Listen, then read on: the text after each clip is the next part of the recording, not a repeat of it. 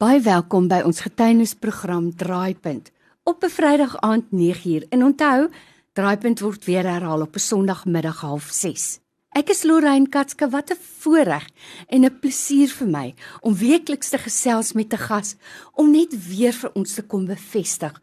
Ons dien 'n groot en 'n lewende God. Onthou as jy getuienis het, SMS vir my die woord draaipunt na 32716. Dit kos vir jou R1 of stuur vir my 'n WhatsApp na 084 6614104. Professor Isak de Villiers het jare gelede al gesê Depressie is die siekte van ons tyd. Nou by my in die ateljee vandag sit 'n gas wat vir jou gaan sê en vir my, depressie is nie die einde van die pad nie. Daar is hoop en hoop het 'n naam. Dis Rosetta Davids. Rosetta, ek wil net vir jou sê, ek is so bly jy kom inloer om met ons te kom gesels. Baie dankie vir die moeite wat jy gedoen het. Um, baie dankie. Dis 'n groot plesier en dankie dat jy my genooi het. Jy weet Rosetta, depressie is 'n probleem waarmee baie mense sukkel, maar elke persoon dink dis net ek. Hulle besef nie daar's ander mense wat deur dieselfde dieptes gaan nie. Waar begin jou verhaal? Ja, dit is so. My verhaal het begin um 2000. Ek glo dit is waar my verhaal begin het. Toe die dokter vir my gesê het ek sal nooit eendag kinders van my eie kan hê nie. Sjoe. En ek is baie lief vir kinders. En daar het my depressie begin. As ek nou terugkyk op die pad dan glo ek dit het daar begin. Want dit is iets wat jy net agtertoe skuif en jy gaan aan met die lewe. Maar ek het altyd as iemand ehm um, swanger raak van vriende, familie of wat ewe dit dit, dit dit was vir my baie seer. Ja. Baie trane. Ek het nie meer baby showers gegaan nie. Ek wil net nie meer sulke byeenkomste bywoon nie maar ek het dit bietjie begin aanvaar en seker so 6 jaar later het 'n uh, ander ginekoloog vir my gesê maar kom probeer ek nie IVF nie? En ek het dit probeer twee keer. Nie gewerk nie en Sjoe, dit daai teleurstelling. erger dink ek as die mm. feit. Maar nou ja so my depressie het al begin. Maar dis ongeonderdruk en nog klompie goed wat oor die jare gebeur het in ons lewens, dit het alles bygedra. Dis soos 'n gewig wat jy op 'n kameel se rug sit. Yes. Elke keer bietjie vir bietjie vir bietjie. So mens handel nie elke saak af nie, nee. dan dra dit net by. Jy jy skryf dit net bietjie ja. agter toe of soos mense ook vir jou sê ag just get over it. Ag, jy is beter daaraan toe as ander mense en so so later dan dan dan dan dink jy net ag, okay, is maar seker nie so erg nie. Sure. Ons los dit maar. Mm tot 2017. Ek dink dit is in die jaar waar die Stephanie Nurse case opgekom het mm. en dit het my baie geraak. Sure. Want die mense het baie die vrou gekruisig wat haar geneem het. Ja, ek praat nie goed wat die vrou gedoen het nie, maar ek het simpatie met die vrou. Jy verstaan haar ja, desperaatheid. Ek verstaan haar desperaatheid want ek weet dit ek weet hoe sy gevoel om die verlange om 'n kind in jou arms te hê. 'n kindjie van jou eie te hê. Vir baie mense mag dit nie iets beteken, maar vir my of iemand wat in daai persoon se skoene staan, ek het meegevoel met hulle.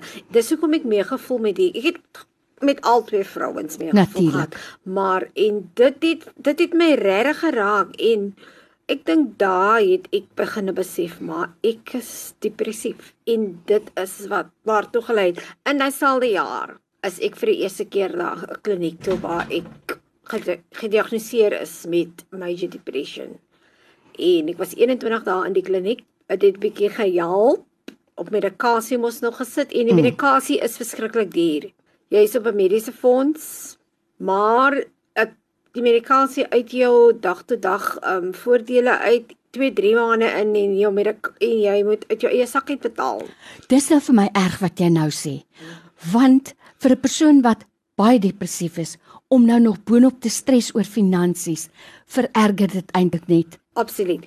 En as jy mis nou depressief is en jy's in die kliniek, jy werk nie, so jy jou siek daar raak op, alles dit druk op. Ai. So later dan word geld van jou salaris afgetrek, so alles en alles dra klein goedjies dra by en later dan raak alles net te veel.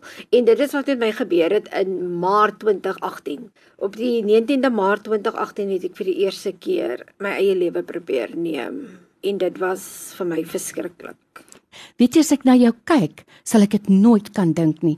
Jy het so 'n blymoedige gesiggie. So vreeslike vriendelike gesig, mens sal dit nooit kan dink nie. Wat het gebeur? Um ek het daardie oggend opgestaan en soos ek altyd um ek het eendag my testimonie neergeskrywe. En dit het vir my gevoel iets het van my beheer gevat. As ek nou soos my testimonie nou, ek kry nou gedagte daarvan. Iets het totaal en al daai oggend van my beheer geneem. Ek het geen beheer oor myself gehad nie. En die heel dag het ek net daaraan gedink hoe ek 'n einde aan my lewe gaan maak. Ek het by die werk gepraat, my kollega het vir my gesê ek moet ophou praat want ek praat net 'n klomp nonsens. En ek het gehuil en ek was net 'n ander mens daai dag. En um huis toe kom te gaan tyd het ek wou ek by die R300 brug stop en ek wil afspring daar maar ek het nie die moed gehad nie. Ai. ek het aangery ek het huis toe gegaan ek het na my ma toe gegaan ek het vir my vertel hoe ek voel en ek het gehuil en sy het vir my gebid. En my broer het daar aangekom en ek het nog vir hom gesê hy moet sommer sy dienspistool vir my gee. Ek gaan sommer sy pistool gebruik. En ons het nog gelag daaroor, maar maar in my mind was ek klaar opgemaak. En ek het huis toe gegaan, gewag tot my man werk toe gaan. Ek het 'n glas koeldrank geskink, um, tropical juice en ek het die pille gedrink oor die 100 pille al met antidepressante al die slaappille wat ek gehad het vir die nuwe man se preskripsie. En ek het die volgende dag in die ICU wakker geskrik. Oh, sjo en toe hulle nou vir my vertel wat gebeur het kon ek nie glo nie want hoe kan ek soos ek sê soos ek sê ek is 'n sprankelende mens. Ja. ek lag altyd. Ek het so vir my was dit en ek wil by die Here geweet het maar hoekom ek en Hy het my geantwoord, "Hoekom nie jy nie?" En ek het dit weer, dit het goed gegaan vir 'n tydjie en toe het dit weer sleg gegaan en op die 31ste Oktober het ek weer my lewe probeer neem onsuksesvol. Twee maal het die Here jou lewe gespaar vir 'n doel. Waar het die draaipunt gekom? My draaipunt was in dieselfde jaar 2018 waar ek het tevore gehad. Die Here het vir my moontlik gemaak om na ons kerkkonferensie toe te gaan. Ek behoort aan die Spaddereen Kerk en ons het konferensie toe gegaan en ek was so happy omdat ek kan gaan. En daar gedurende die konferensie het ek besluit maar ek sê toe vir die Here ek sit myself nou in die Here se hande. Ek plaas myself in die Here se hande. Hy is verantwoordelik vir my. Ek gaan nie meer my medikasie gebruik nie en hy moet nou na my kyk. Want ek gaan daai depressie onder my voete sit en ek gaan aanbeweeg. En daar was mak, daar was donker, nog donker daar, maar die Here het my gehelp. Dag vir dag, stap vir stap, tree vir tree en ek kan sê ek het my depressie oorkom. Nou jy weet, dit is nou maar so dat die Here met verskillende roetes met mense loop. En ek weet dat daar is mense wie se roete langs medikasie gaan loop. Ek weet daar's mense wat absolute onmiddellike genesing kry. In jou geval kon jy heeltemal van die medikasie afgegaan het. Ek dink die een ding wat mense in gemeen het wat klaar speel met depressie is 'n keuse, 'n besluit. Is ek reg? Absoluut, absoluut. Jy moet die keuse maak. En in my geval het ek die keuse gemaak want ek dit is nie 'n maklike pad om te stap nie. Dit is verskriklik. Dit is 'n verskriklike siekte om te hê. Maar dank die Here, hy het my deurgedra tot vandag toe, so amper 2 jaar later. Ek is meer as 'n oorwinnaar deur Christus wat my die krag gee. Nou by my in die ateljee vandag is Rosetta Davids, 'n toonbeeld van 'n sprankelende pragtige vrou. Rosetta, God het jou lewe gespaar en ek weet dis met 'n doel. Want Paulus sê, daarom moes ek deur sekere beproewings gaan sodat ek ander kan bemoedig wat deur dieselfde beproewing gaan. Iemand wat tog nooit by punt was waar hulle gevoel het alles is te veel en jy sal nie verstaan hoe jy gevoel het nie. Ja. 'n Wyse persoon het gesê selfdood of selfmoord bring maar net 'n permanente einde aan 'n tydelike probleem. Maar wanneer jy in daai situasie is, lyk dit nie vir jou na 'n tydelike probleem nie. Niemand sal verstaan hoe so 'n persoon voel as hulle nie self daardeur gegaan het nie. Daarom glo ek het God jou lewe gespaar sodat jy ander kan bemoedig soos wat niemand anders kan nie. Nou wil ek tog vir jou vra, as iemand nou vandag in daai situasie sit waar jy gesit het. My man het dit al baie gesê en jy bevestig dit nou. Daar's iets wat beheer neem. Jy's nie meer in beheer nie. Watse woorde het jy vir so 'n persoon om hulle net tot hulle sinne te bring? Dit is nie die einde nie. Vir my het dit ook gevoel dit gaan daai tyd die einde wees. Maar agterna sit jy met selfverwyte. Jy sit met um jy skaam. Jy kan nie die wêreld in die oë kyk nie en ja, dit is nie die einde nie. Dis nie die oplossing. Dis nie die oplossing nie. Maak oop gesels met iemand. Ons almal het iemand wat jy genoeg vertrou. Ja, ek weet ek het dit nie gedoen nie, maar vandag besef ek ek moes oopgemaak het. En dit maak oop, praat. Neem iemand in jou vertroue. Bid, vra vir die Here om iemand op jou pad te stuur. Of gebruik vir my. Wie ek Praat nou met so, ek is so bly jy sê dit, want weet jy wat nê, baie keer is mense nou so in jouself gedraai. Jy die duiwel maak vir jou wys, man, almal sal beter af wees sonder jou. Hy wys nie vir jou die prentjie 5 minute na 'n suksesvolle selfmoordpoging hoe jou familie, jou vriende, jou kollegas, dis asof jy 'n atoombom in hulle midde neersit en hulle uitmekaar skiet.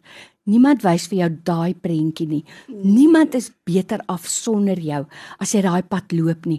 Hulle loop vir die res van hulle lewe met selfverwyte. Dis 'n trauma op hulle lewe.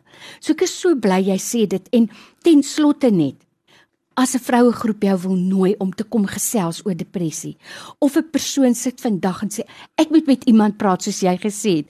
As jy bereid is dat mense met jou gesels, jy het 'n Facebookblad, sê net gou vir ons wat noem jy hom? Uh my Facebook se naam is um low self-esteem, depression and anxiety.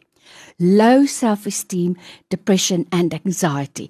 En as iemand jou wil skakel vir gebed, vir bemoediging of om te kom gesels, waar kan hulle jou in die hande kry? Hulle kan my kry by 060 701 2840. Ek herhaal 060 701 2840. Nou by my in die ateljee is Rosetta Davids en ek gaan nou die vrymoedigheid neem om vir jou te vra, ons getroue gebedsvriende, sit vir haar en haar man ook op julle gebedslys dat God vir haar kragtig kan gebruik, dat hy haar grondgebied verbreek, want baie mense moet haar storie hoor. Dankie vir jou bereidheid vandag. Ek wil hê jy moet weet ek waardeer dit uit my hart uit. Baie dankie. Dit is 'n groot plesier.